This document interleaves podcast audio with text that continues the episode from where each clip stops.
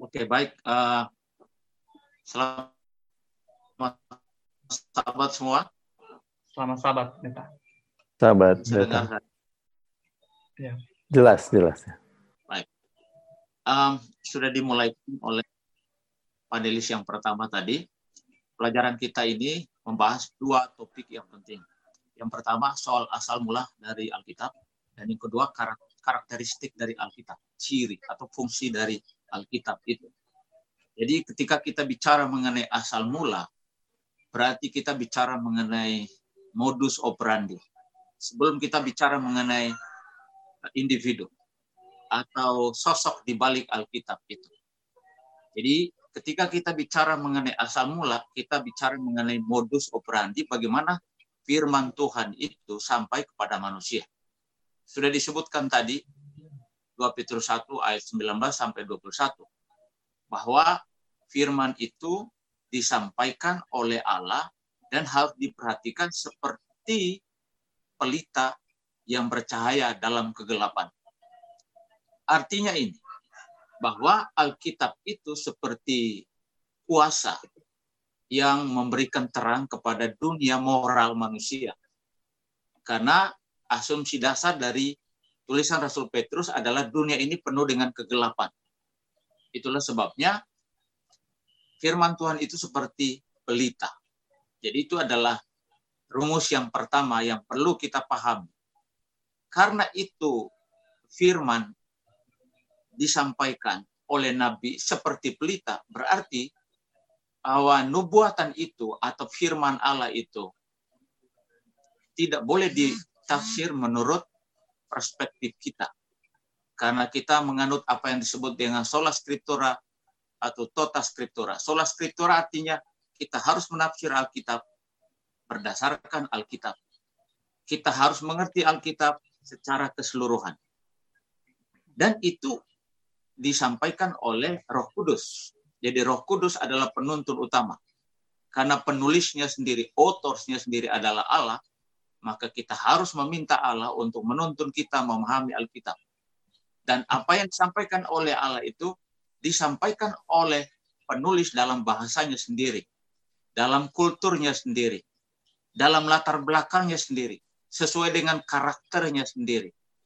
Tapi apakah Alkitab itu bisa salah? Bisa, ada uh, grammatical error ada di sana. Ada juga misspelling di sana. Tetapi message dari Alkitab itu tidak berubah. Message-nya tidak bersalah.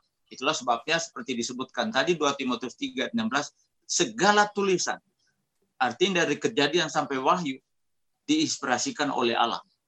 Tidak ada section dalam Alkitab menurut uh, metode historical critical method atau bisa disederhanakan orang-orang yang mengkritik Alkitab bahwa ada section tertentu yang diinspirasikan dan ada section tertentu yang tidak diinspirasikan tulisan yang, di, yang diilhamkan Allah. Berarti dari kejadian sampai wahyu tulisan yang diilhamkan Allah itu sifatnya formatif. Artinya kita suci itu membentuk membentuk moral, moralitas manusia, membentuk hmm. karakter manusia. Nah, ketika kita sampai pada poin ini berarti Alkitab itu bukanlah sebuah tulisan. Jadi ketika kita bicara mengenai Alkitab, kita bicara mengenai Allah. Di balik semua penulis yang hidup dalam perbedaan waktu ribuan tahun. Itulah sebabnya di satu Tesalonika tadi dibaca ayat 2 pasal 2 ayat 13 dia bekerja di dalam kamu yang percaya. Jadi siapa yang bekerja?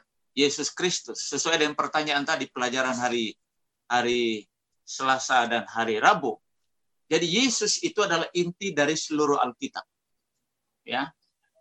Dan Alkitab itu tidak di apa namanya tidak mengalami ya, inkarnasi. Jadi karena Yesus adalah inti dari Alkitab, maka kita belajar mengenai sosok yang punya pre-existent.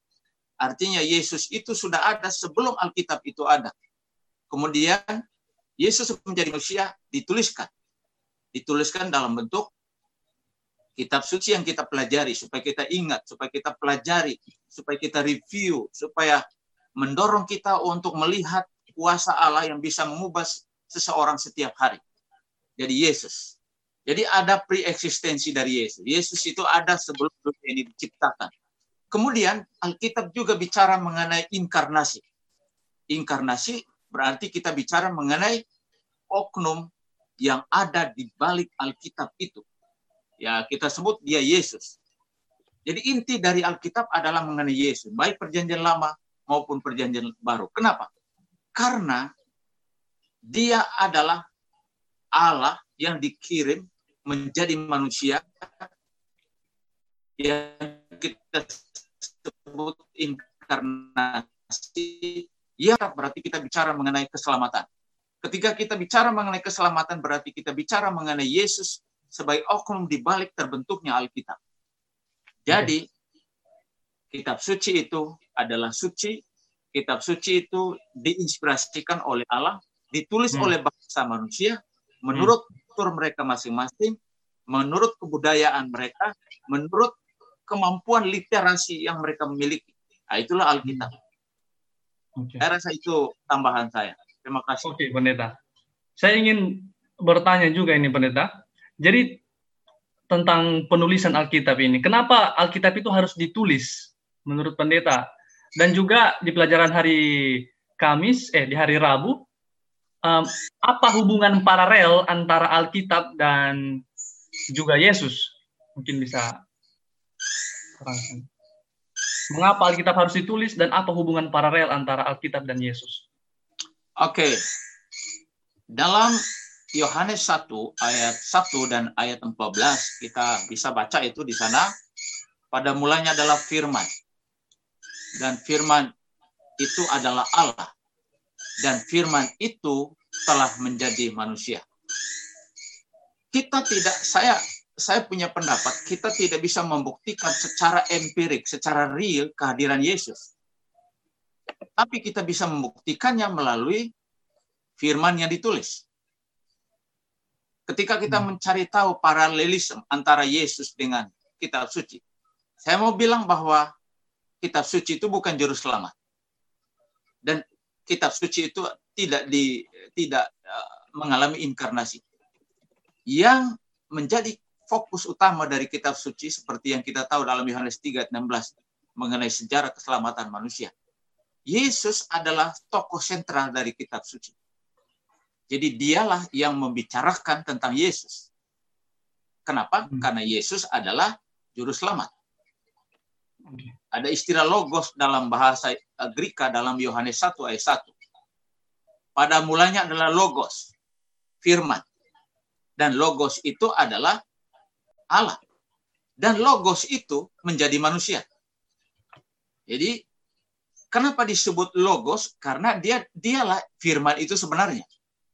Nah, firman itu harus disampaikan dalam bahasa kita ya, bahasa tidak menggunakan bahasa surga, dia menggunakan bahasa kita yang bisa kita mengerti.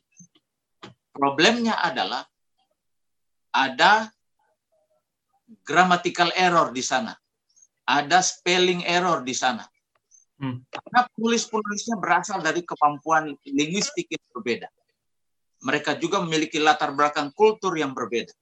Nah, itulah sebabnya kita perlu menginterpretasi apa yang disampaikan oleh penulis tentang Yesus. Jadi fokusnya adalah Yesus.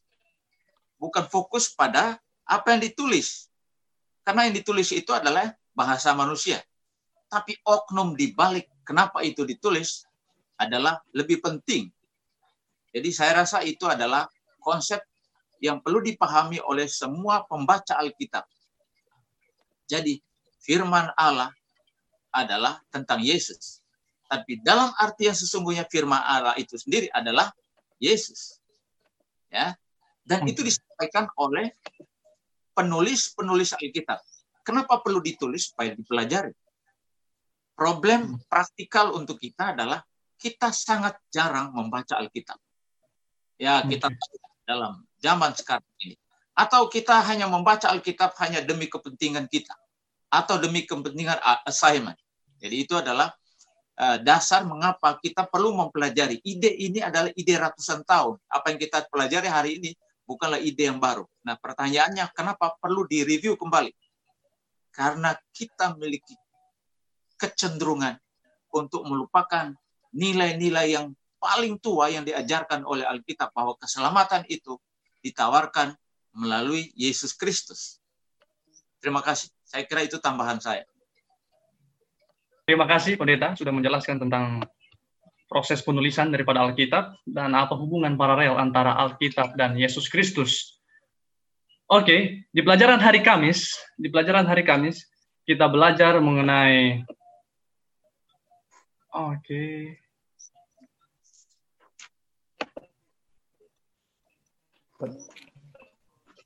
Di pelajaran hari Kamis kita sudah mengetahui asal mula dan sifat daripada Alkitab. Sekarang kita belajar di hari Kamis bagaimana kita harus ayat utamanya di dalam 2 Petrus 1 ayat 20 dikatakan yang terutama harus kamu ketahui ialah bahwa nubuatan dalam kitab suci tidak boleh ditafsirkan menurut kehendak sendiri. Kita tahu bahwa Alkitab ini diwahyukan oleh Allah kepada manusia dan bagaimana proses penulisannya itu diinspirasikan oleh Roh Kudus, maka dalam mempelajari akan Alkitab untuk menginspirasi ajaran firman. Karena kalau kita berbicara belajar akan Alkitab dan kita mau mengerti Alkitab dengan kita punya pikiran sendiri, maka kita akan terjebak dengan ketidakpercayaan. Karena berbicara mengenai penciptaan, bagaimana Tuhan menciptakan langit dan bumi dalam enam hari, Tuhan menciptakan, apakah itu masuk akal dalam pikiran kita? Makanya kita membutuhkan akan iman, membutuhkan akan inspirasi daripada Roh Kudus supaya kita bisa mengerti akan firman Tuhan itu. Di dalam Ibrani 11 ayat 6, saya suka mau baca dalam Ibrani 11 ayat 6. Mungkin jemaat juga bisa buka. Ibrani 11 ayat 6. Oh sorry, Ibrani 11 ayat 3 dan 6. Ibrani 11 ayat 3, karena iman kita mengerti bahwa alam semesta telah dijadikan oleh firman Allah, sehingga apa yang kita lihat telah terjadi dari apa yang tidak dapat kita lihat. Lihat di sini dibilang karena iman kita bisa mengerti. Ayat 6. Tetapi tanpa iman tidak mungkin orang berkenan kepada Allah, sebab barang siapa berpaling kepada Allah, ia harus percaya bahwa Allah ada dan bahwa Allah memberi upah kepada orang yang sungguh-sungguh mencari Dia. Sudah jelas di sini supaya kita bisa menafsirkan Alkitab, kita memerlukan iman, kita memerlukan bantuan Roh Kudus supaya Roh Kudus yang sama yang menginspirasi penulis itu juga bisa menginspirasi pikiran kita, kita boleh mengerti. Oke, saat ini kita akan masuk ke sesi tanya jawab. Sesi tanya jawab ini saya akan beri kesempatan kepada para saudara-saudari anggota jemaat yang sudah bergabung di acara diskusi ini bisa uh, mungkin uh, menuliskan pertanyaannya langsung kepada panelis atau mungkin bisa bisa pakai fasilitas Q&A di bawah. Ya, ada ya bisa manfaatkan kualitas uh, fasilitas uh, question and answer di situ di bawah bisa dilihat atau mau langsung berbicara juga nanti kami akan berikan kesempatan. Oke, okay. sambil menunggu, sambil menunggu ini belum ada saya lihat yang menulis pertanyaan ataupun yang angkat tangan. Saya ingin bertanya, pendeta, berbicara mengenai proses inspirasi ini, eh, proses pemberian penulisan Alkitab ini adalah proses inspirasi. Saya membaca-baca dan menemukan ada term lain tentang iluminasi. Jadi kira-kira eh, sebelum menjawab apa perbedaan proses inspirasi dan iluminasi, mungkin pendeta bisa uh, definisikan dulu apa beda antara revelation and inspiration. Jadi pendeta sudah dapat pertanyaan saya?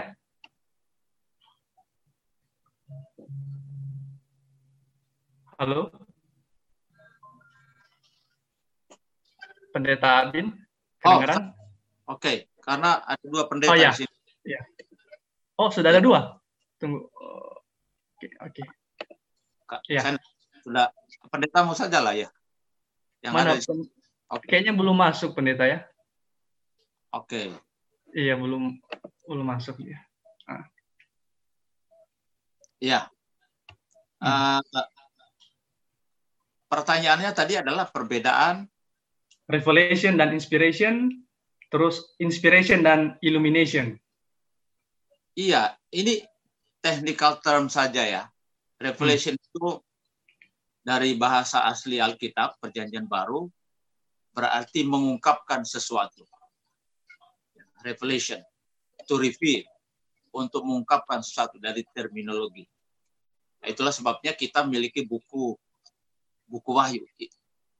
This is the revelation of Jesus Christ di dalam Wahyu pasal 1 ayat 1. Jadi Yesus menyampaikan firman-Nya. Sebenarnya itu adalah modus peran di Tuhan. Jadi Tuhan menyampaikan, mengungkapkan sesuatu dalam konteks Hmm. Wahyu pasal 1 ayat 1.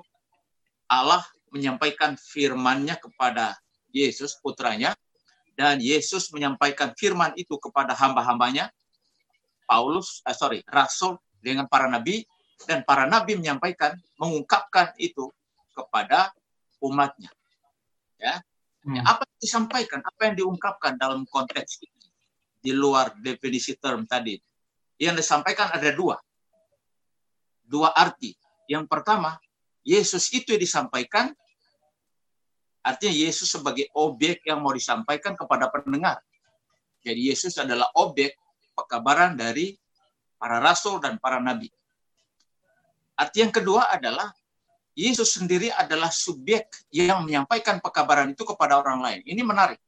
Jadi tidak ada tulisan atau kitab suci mana pun yang subjeknya adalah Yesus dan objeknya adalah Yesus. Oke, kita bawa konsep ini pada arti terkait dengan konteks pelajaran kita hari ini. Ah, jadi revelation itu sebenarnya hampir sama artinya dengan illumination. Dalam konteks mempelajari Alkitab, kita tidak menganut apa yang disebut dengan verbal inspiration. Kita menganut apa yang disebut dengan thought inspiration. Ya. Karena kalau verbal inspiration berarti penulis-penulis Alkitab menggunakan bahasa surga untuk menyampaikan pekabarannya kepada kita. Tapi karena thought inspiration, Allah membiarkan manusia menggunakan bahasanya sendiri. Mak- Maksud saya adalah penulis. Ya, Musa, Samuel, Yesaya, Yeremia, Yeskiel, Matius, Lukas, Yohanes dan sebagainya. Mereka berada pada kultur yang berbeda, menggunakan bahasa yang berbeda, kemampuan akademik yang berbeda.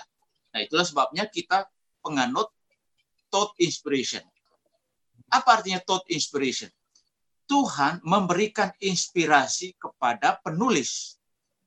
Ya, Hmm. ide ide yang besar, apa yang mau disampaikan oleh penulis disampaikan dalam bahasa mereka. Lalu mereka menulis menurut bahasanya sendiri. Itu yang disebut dengan thought inspiration. Inspirasi melalui pikiran. Ya. Hmm. Ada ide yang mau disampaikan oleh Allah melalui penulis lalu dituangkan melalui bahasa mereka, Oke. melalui eh, kemampuan mereka menulis. Itu adalah Oke. konsep yang penting dalam membedakan illumination dengan revelation. Hmm.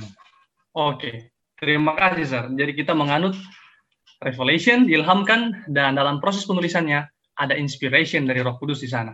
Oke, jadi saya ingin mau bertanya kepada para attendees yang sudah bergabung dengan kita.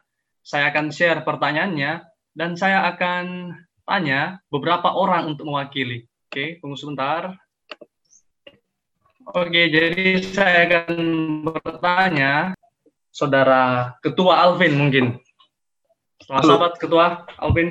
Halo sobat, Oke, jadi pertanyaan seperti ini. Jadi salah satu kerabat Anda menyatakan, jaminan apa yang Anda miliki bahwa Alkitab itu benar dan dapat dipercaya? Mengapa Anda begitu yakin bahwa Alkitab itu akurat dan dari Allah? Bagaimana Anda merespons teman Anda jika bertanya seperti itu? Saya rasa ini berhubungan dengan pertanyaan yang saya tanyakan ya bahwa um, case by case basis sekali ya tetangganya kita juga harus analisa dia beragama apa, dia posisi apa. Tetapi mungkin kalau saya pribadi mungkin orang Kristen.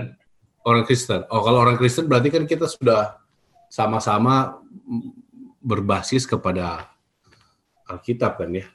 Harusnya harusnya lebih gampang untuk untuk uh, menjelaskan um, Alkitab tersebut. Tapi yang ingin saya katakan bahwa uh, semua orang memiliki perjalanan pribadi dengan Tuhan dan bagaimana Alkitab dan Firman Tuhan itu membantu mereka dalam perjalanan kehidupan mereka dan yang paling powerful adalah testimoni pribadi ketika kita share itu uh, uh, kepada kepada mereka untuk meyakinkan bagaimana firman Allah bekerja dalam kehidupan mereka. Um, ketika kita meyakinkan orang lain uh, menjamin uh, keabsahan Al Alkitab, um, kalau dia sudah orang Kristen, saya sangat terkesan dengan pelajaran uh, minggu lalu. Saya sudah dengar dari beberapa tahun sebelumnya. Tapi bagaimana kalau kita lihat uh, pertama saya lihat itu di Amazing Facts ya kalau di kita belajar tentang uh, uh, pelajaran yang keberapa tuh ya uh, yang How can we trust the Bible itu ya bahwa kalau kita urutkan uh, kurang lebih sama seperti yang minggu lalu kalau kita urutkan ada 65 uh, uh, um, nubuatan tentang kedatangan Yesus ya bagaimana dia akan lahir di Bethlehem Daniel bilang bagaimana dia akan mati dan dia akan uh, dibaptiskan lalu hmm. uh, kitab Mika bilang lahir di Bethlehem Yesaya bilang dia akan disiksa dan begitu banyak ada enam semuanya itu memprediksikan kepada satu peristiwa yang sama. Dan itu menurut saya suatu hal yang luar biasa. Ini dari latar belakang penulis yang berbeda ratusan tahun yang berbeda, mereka bisa semua memprediksikan kepada satu peristiwa yang sama ketika seorang juru selamat akan hadir bahwa nanti apa uh, kakinya akan dipatahkan, dia akan ditusuk uh, lambungnya. Itu betul-betul suatu sesuatu yang sangat detail dan menurut saya hmm.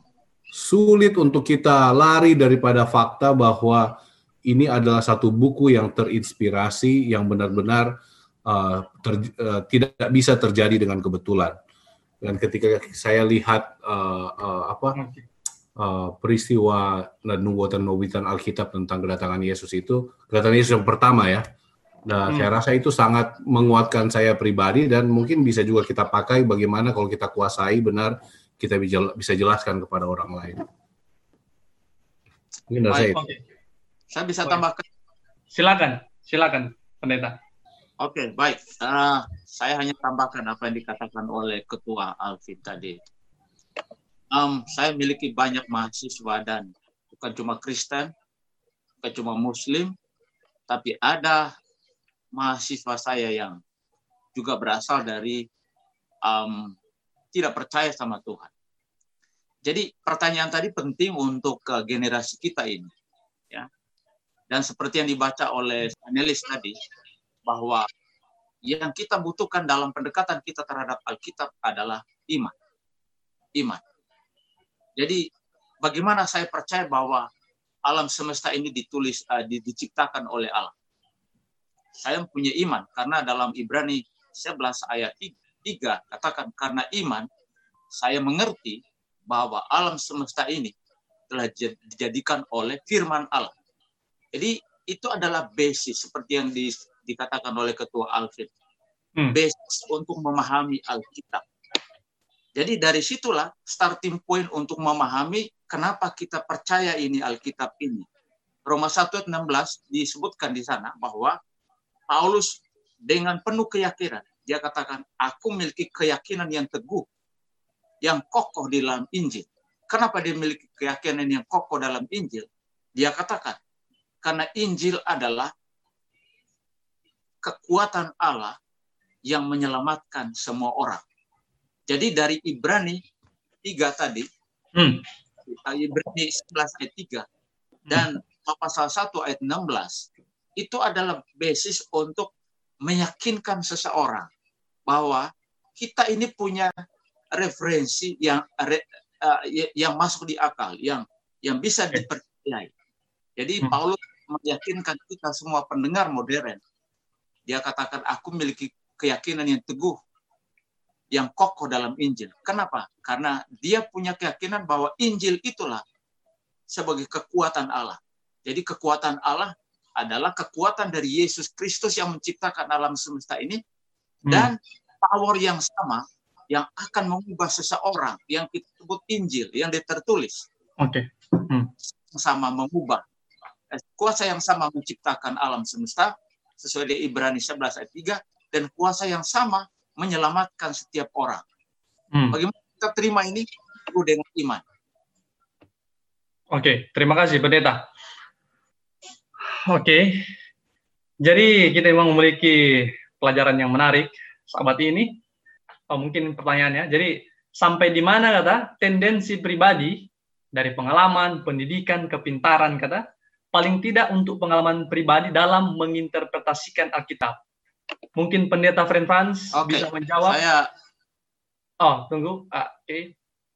Pendeta Abin, saya okay. kasih kesempatan dulu pendeta Friend Franz bisa menanggapi sampai di mana kepintaran pribadi atau intelektual seseorang bisa menginterpretasi Alkitab. Bisa dipakai untuk menginterpretasi Alkitab. Baik.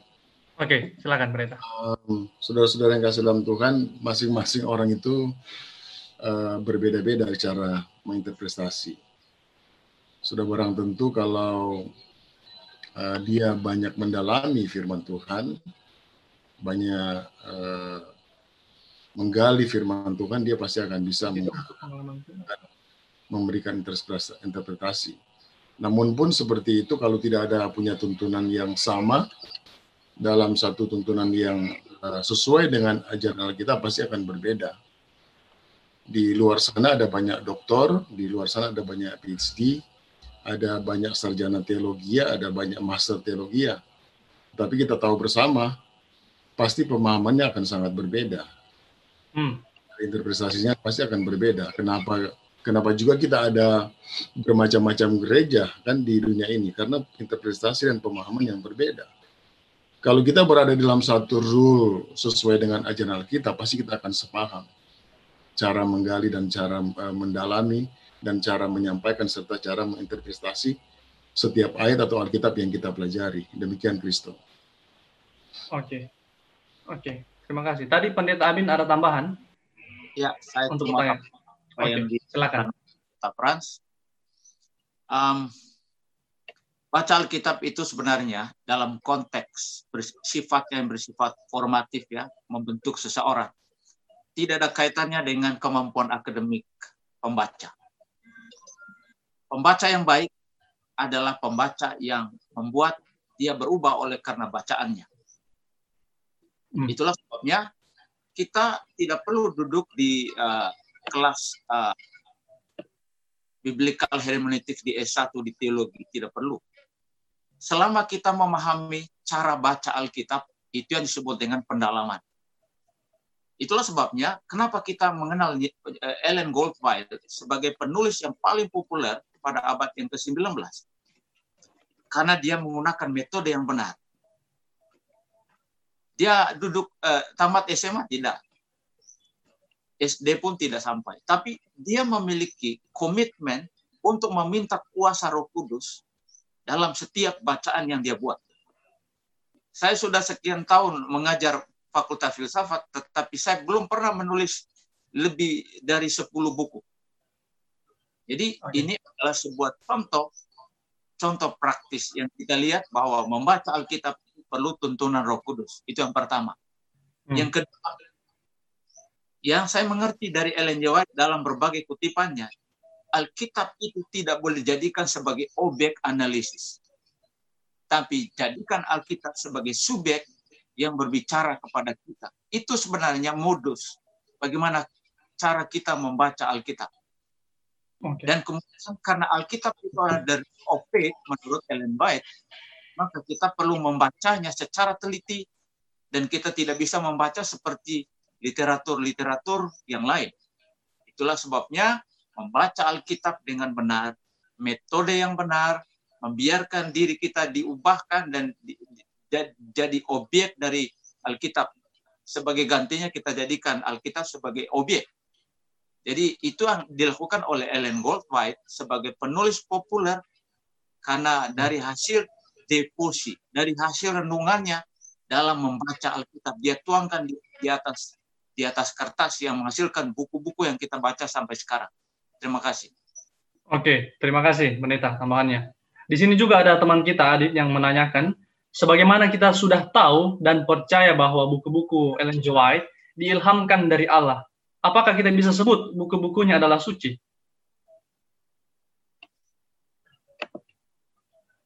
Mungkin Pendeta Franz bisa kasih tanggapan pertanyaannya. Apakah kita bisa menyebut buku-buku Ellen G. White ini adalah buku-buku suci?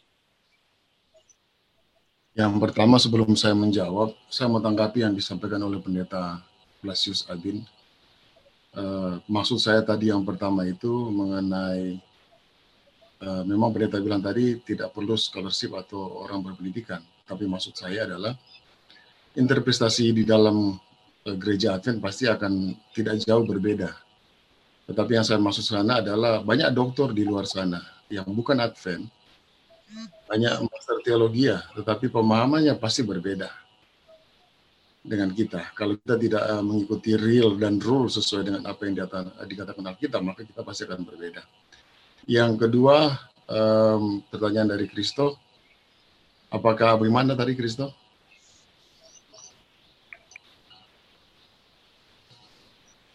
Boleh dulu. Apakah kita bisa menyebut buku-buku lentala? Oh, mungkin itu lebih kepada pertanyaan Katerin. Sorry. Bagaimana pertanyaannya? Kurang putus-putus tadi. Oke, okay. jadi apakah kita bisa menyebut buku-buku Ellen G. White ini adalah buku-buku suci? Karena buku-buku Ellen G. White adalah merupakan ilham dari Tuhan, inspirasi dari Tuhan, dan relevansinya mirip dengan Alkitab dan sama seperti menjelaskan bahkan lebih banyak lagi tentang hal-hal yang kita tidak mengerti tentang Alkitab uh, bisa kita golongkan itu sebagai buku yang yang suci karena mengambil semuanya dari Alkitab. Tapi okay. Untuk menyamakan dia dengan posisi Alkitab tentu kan pasti dia berbeda karena akan berbeda itu terang kecil dengan terang yang besar. Sudah barang tentu Alkitab adalah merupakan terang yang besar. Tapi okay. uh, pemahaman kita lebih banyak lagi, kita banyak mengerti, kita dapati dari uh, tulisan-tulisan Nyonya White dan itu lebih detail. Jadi uh, saya justru ingin bertanya itu kepada pendeta Ables Abin, apakah sejajar dia bisa disucikan atau bagaimana karena pertanyaan ini sepertinya belum pernah saya dapat okay. sebelumnya. Oke, silakan pendeta Abin bisa tambahkan. Baik, terima kasih pendeta Friend. Um, Ellen. White sendiri tidak pernah menyebut tulisannya adalah tulisan suci ya tapi beberapa kali dalam berbagai section di bukunya dia mengatakan bahwa tulisannya itu adalah terang yang kecil. Apa tujuan terang yang kecil ini? Tujuan dari terang yang kecil ini untuk menuntun pada terang yang besar. Terang besar itu adalah Alkitab. Tetapi gereja kita memahami buku-buku itu adalah diinspirasikan oleh Allah. Jadi itu adalah Uh, presuposisi gereja masih akan hari ketujuh karena tidak semua gereja mempercayai dia sebagai nabi. Karena kita menyebut dia seorang nabi, maka tulisan-tulisannya adalah tulisan yang yang sifatnya inspiratif. Jadi kita percaya itu. Tapi istilah suci itu sendiri tidak terdapat dalam tulisan dari Ellen G. White untuk menyebut dirinya atau menyebut tulisannya adalah tulisan suci. Jangankan tulisan suci, menyebut dirinya nabi saja dia tidak pernah lakukan. Hmm. Tetapi berdasarkan ujian-ujian Alkitabiah mengenai seorang nabi, salah satunya adalah tulisannya itu adalah diinspirasikan oleh Allah. Jadi okay. kita percaya bahwa tulisan Ellen G. White itu adalah tulisan yang menuntun kita. Tapi ingat, ada hierarki di sana. hierarkinya adalah terang yang besar dan terang yang kecil. Alkitab hmm. terang yang besar dan tulisan Ellen White yang diinspirasikan juga oleh Allah adalah terang yang kecil yang menuntut setiap orang untuk memahami terang yang besar. Itulah sebabnya kita belajar Alkitab hari ini. Terima kasih. Oke, terima kasih. Waktu kita sudah menunjukkan tepat 10.20. Mungkin masih ada beberapa orang yang ingin menambahkan atau menanggapi ataupun bertanya, tetapi kita akan berhenti sampai di sini dulu. Dan untuk kesimpulan, mungkin pendeta bisa menyimpulkan pelajaran kita di sepanjang minggu ini tentang asal mula dan sifat daripada Alkitab. Silakan pendeta Abin. Terima kasih uh, uh, untuk kita semua, untuk ide-ide yang luar biasa, baik pendeta maupun uh, panelis dan juga semua pendengar yang ada di uh, Tomoto Imperium dan yang mendengar langsung di seluruh Indonesia. Baik, ketika kita bicara mengenai kitab suci atau firman Allah, selalu kita berbicara pada individu atau sosok atau oknum yang berada di balik terbentuknya kitab suci. Ellen. White bilang, God's voice speaking to the church. Itu adalah Alkitab. Jadi suara Allah yang berbicara kepada gerejanya. Dan dia juga bilang bahwa Alkitab adalah the rule of faith. Itu poin yang pertama saya mau tekankan. Jadi firman Tuhan atau kitab suci itu selalu bicara mengenai Allah dan tentang Allah. Subjek Allah, Allah sebagai subjek dan Allah juga sebagai objek yang dibicarakan oleh penulis Alkitab. Itu yang pertama. Yang kedua, mengapa kita perlu mempelajari tema ini yang kita sudah tahu bahkan puluhan tahun sejak kita lahir sudah ada tema ini. Ya, kitab suci adalah firman Allah. Tujuannya adalah pertama, untuk mengantisipasi sikap skeptik, ya, tidak percaya orang pada Alkitab. Artinya untuk mengantisipasi serangan banyak orang terhadap kebenaran Alkitab. Siapa yang menyerang Alkitab? Orang-orang Kristen. Kita hidup di sebuah era yang disebut dengan revolusi industri 4.0 saya mau bilang bahwa 1.0 sampai 4.0 Alkitab selalu diserang. Siapa yang serang Alkitab? Kemajuan teknologi. Jadi paradigma orang untuk melihat Alkitab selalu dibentuk oleh konsep-konsep teori yang mereka temukan di luar sana. Jadi itulah sebabnya kita perlu mempelajari ulang. Itu tujuan yang pertama. Tujuan yang kedua adalah untuk merespon metodologi yang banyak berkeliaran di luar sana. Kita menganut apa yang disebut dengan historical grammatical method. Dunia menganut bukan dunia orang-orang Kristen, para ilmuwan Kristen yang juga mempelajari Alkitab tapi tidak percaya kepada Tuhan. Saya mau kasih tahu pada kita semua bahwa para ilmuwan teologi termasuk ahli-ahli perjanjian lama dan perjanjian baru banyak yang memiliki metode yang bagus tapi tidak percaya pada Yesus sebagai juru selamat. Jadi, kenapa mereka tidak percaya? Karena mereka menganut metode historical critical method. Mereka kritik Alkitab. Itulah sebabnya kita perlu mempelajari tema ini ulang supaya kita mereview pandangan kita terhadap Alkitab.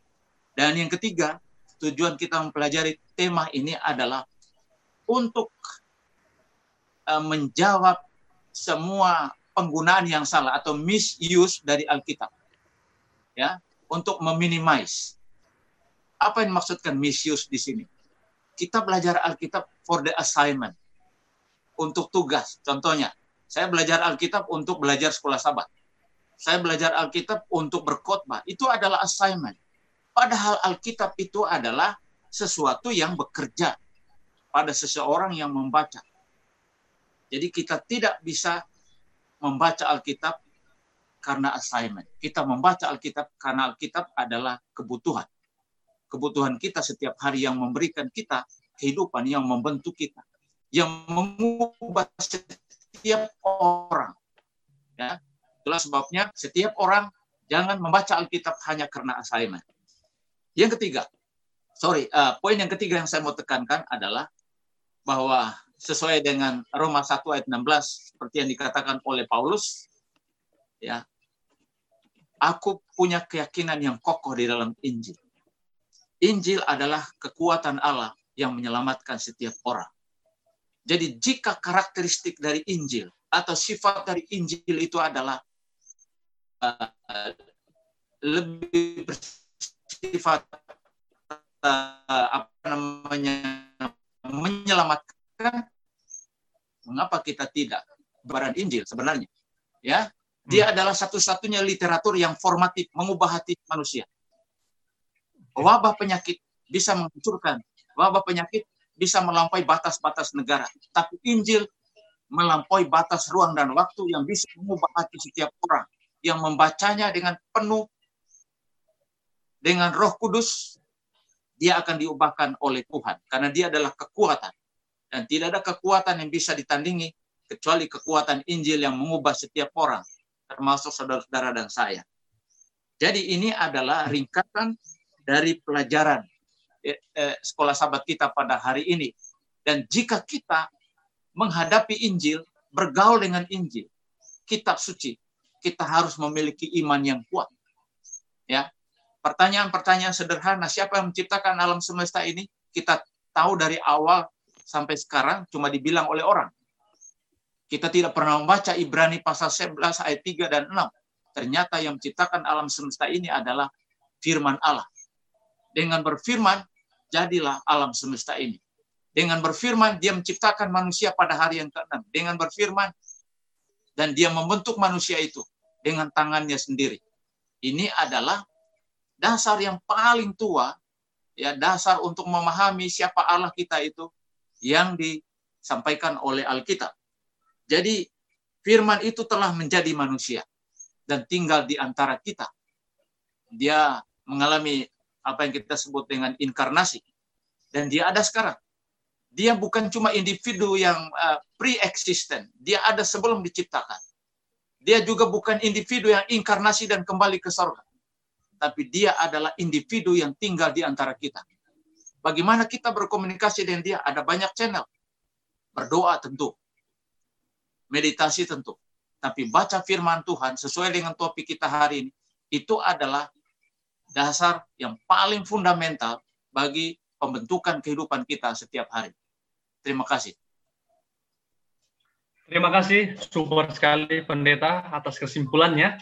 Semoga ini akan memotivasi kita lagi untuk lebih giat belajar Alkitab, belajar sekolah sahabat hari demi hari sepanjang minggu ke depan ini dan minggu depannya di hari sabat kita boleh berdiskusi dan saling memberikan tanggapan, tukar pikiran satu dengan yang lain. Baiklah, acara diskusi kita sudah selesai. Terima kasih untuk para panelis yang sudah mau berkontribusi, memberikan pandangan dan menjelaskan pelajaran kita hari demi hari. Dan untuk menutup akan diskusi sekolah sahabat kita, Pendeta Gideon akan membawakan himbauan untuk persembahan di sahabat ini. Halo, Pendeta. Selamat sahabat. Selamat sahabat semuanya. Selamat sahabat, Pendeta. Silakan, Pendeta.